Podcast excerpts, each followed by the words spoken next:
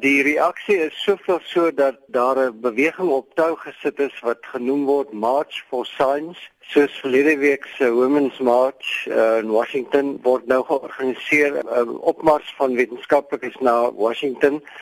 Hulle het 'n uh, Facebook bladsy gestig en 'n Twitter rekening en die Facebook bladsy het binne 2 dae 300 000 volgelinge gekry. Twitter meer as 50 000. Daar's 'n groot opwel van ontsteltenis onder wetenskaplikes oor hierdie sensuur wat besig is geplaas want jy weet dit is nie verbasend nie want as jy kyk na wat uh, na Trump se kabinet sy energie uh, minister is Rick Perry wat die voormalige gouverneur van Texas was. En hy is 'n man wat glo dat die aarde net 6000 jaar oud is. Hy's een van die talle Republikeinse senatore en kongreslede wat dink uh, evolusie behoort op skool uh, verbied te word. So dit dra wetenskap op alle vlakke van skoolvlak af dwarsteer tot die navorsingsbefondsing dat Twitter rekenings gesluit word of geblok word sodat mense wetenskaplikes nie eens mag verwys na klimaatsverandering nie.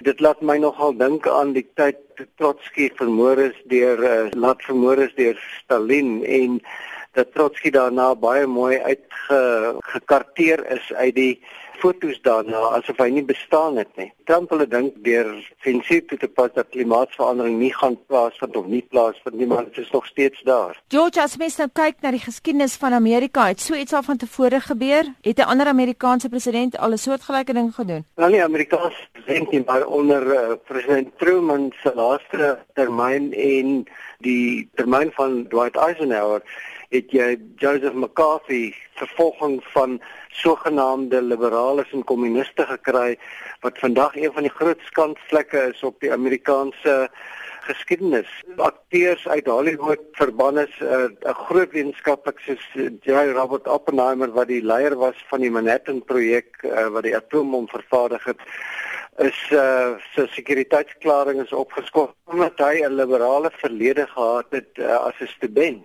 Amerika is die leidende wetenskapland in die wêreld. As jy kyk na die Nobelpryswenners jaarliks, dit is die land wat die meeste navorsingsbefondsing het wat wetenskaplikes van dwars oor die wêreld trek om daar te kom studeer en navorsing te doen. En dit gaan baie ernstig geknou word dat wetenskaplikes gaan op ander plekke werk want hulle kan nie hulle navorsing doen sonder geld nie. En as uh, Donald Trump wat reeds die duidelike aanduidings is die kraan begin toedraai om wetenskap te befonds en uh, navorsing moontlik te maak dan gaan Amerika binne 'n kwessie van 4 jaar as Trump so lank gaan hou 'n uh, baie ernstige verlies lei aan groot wetenskaplikes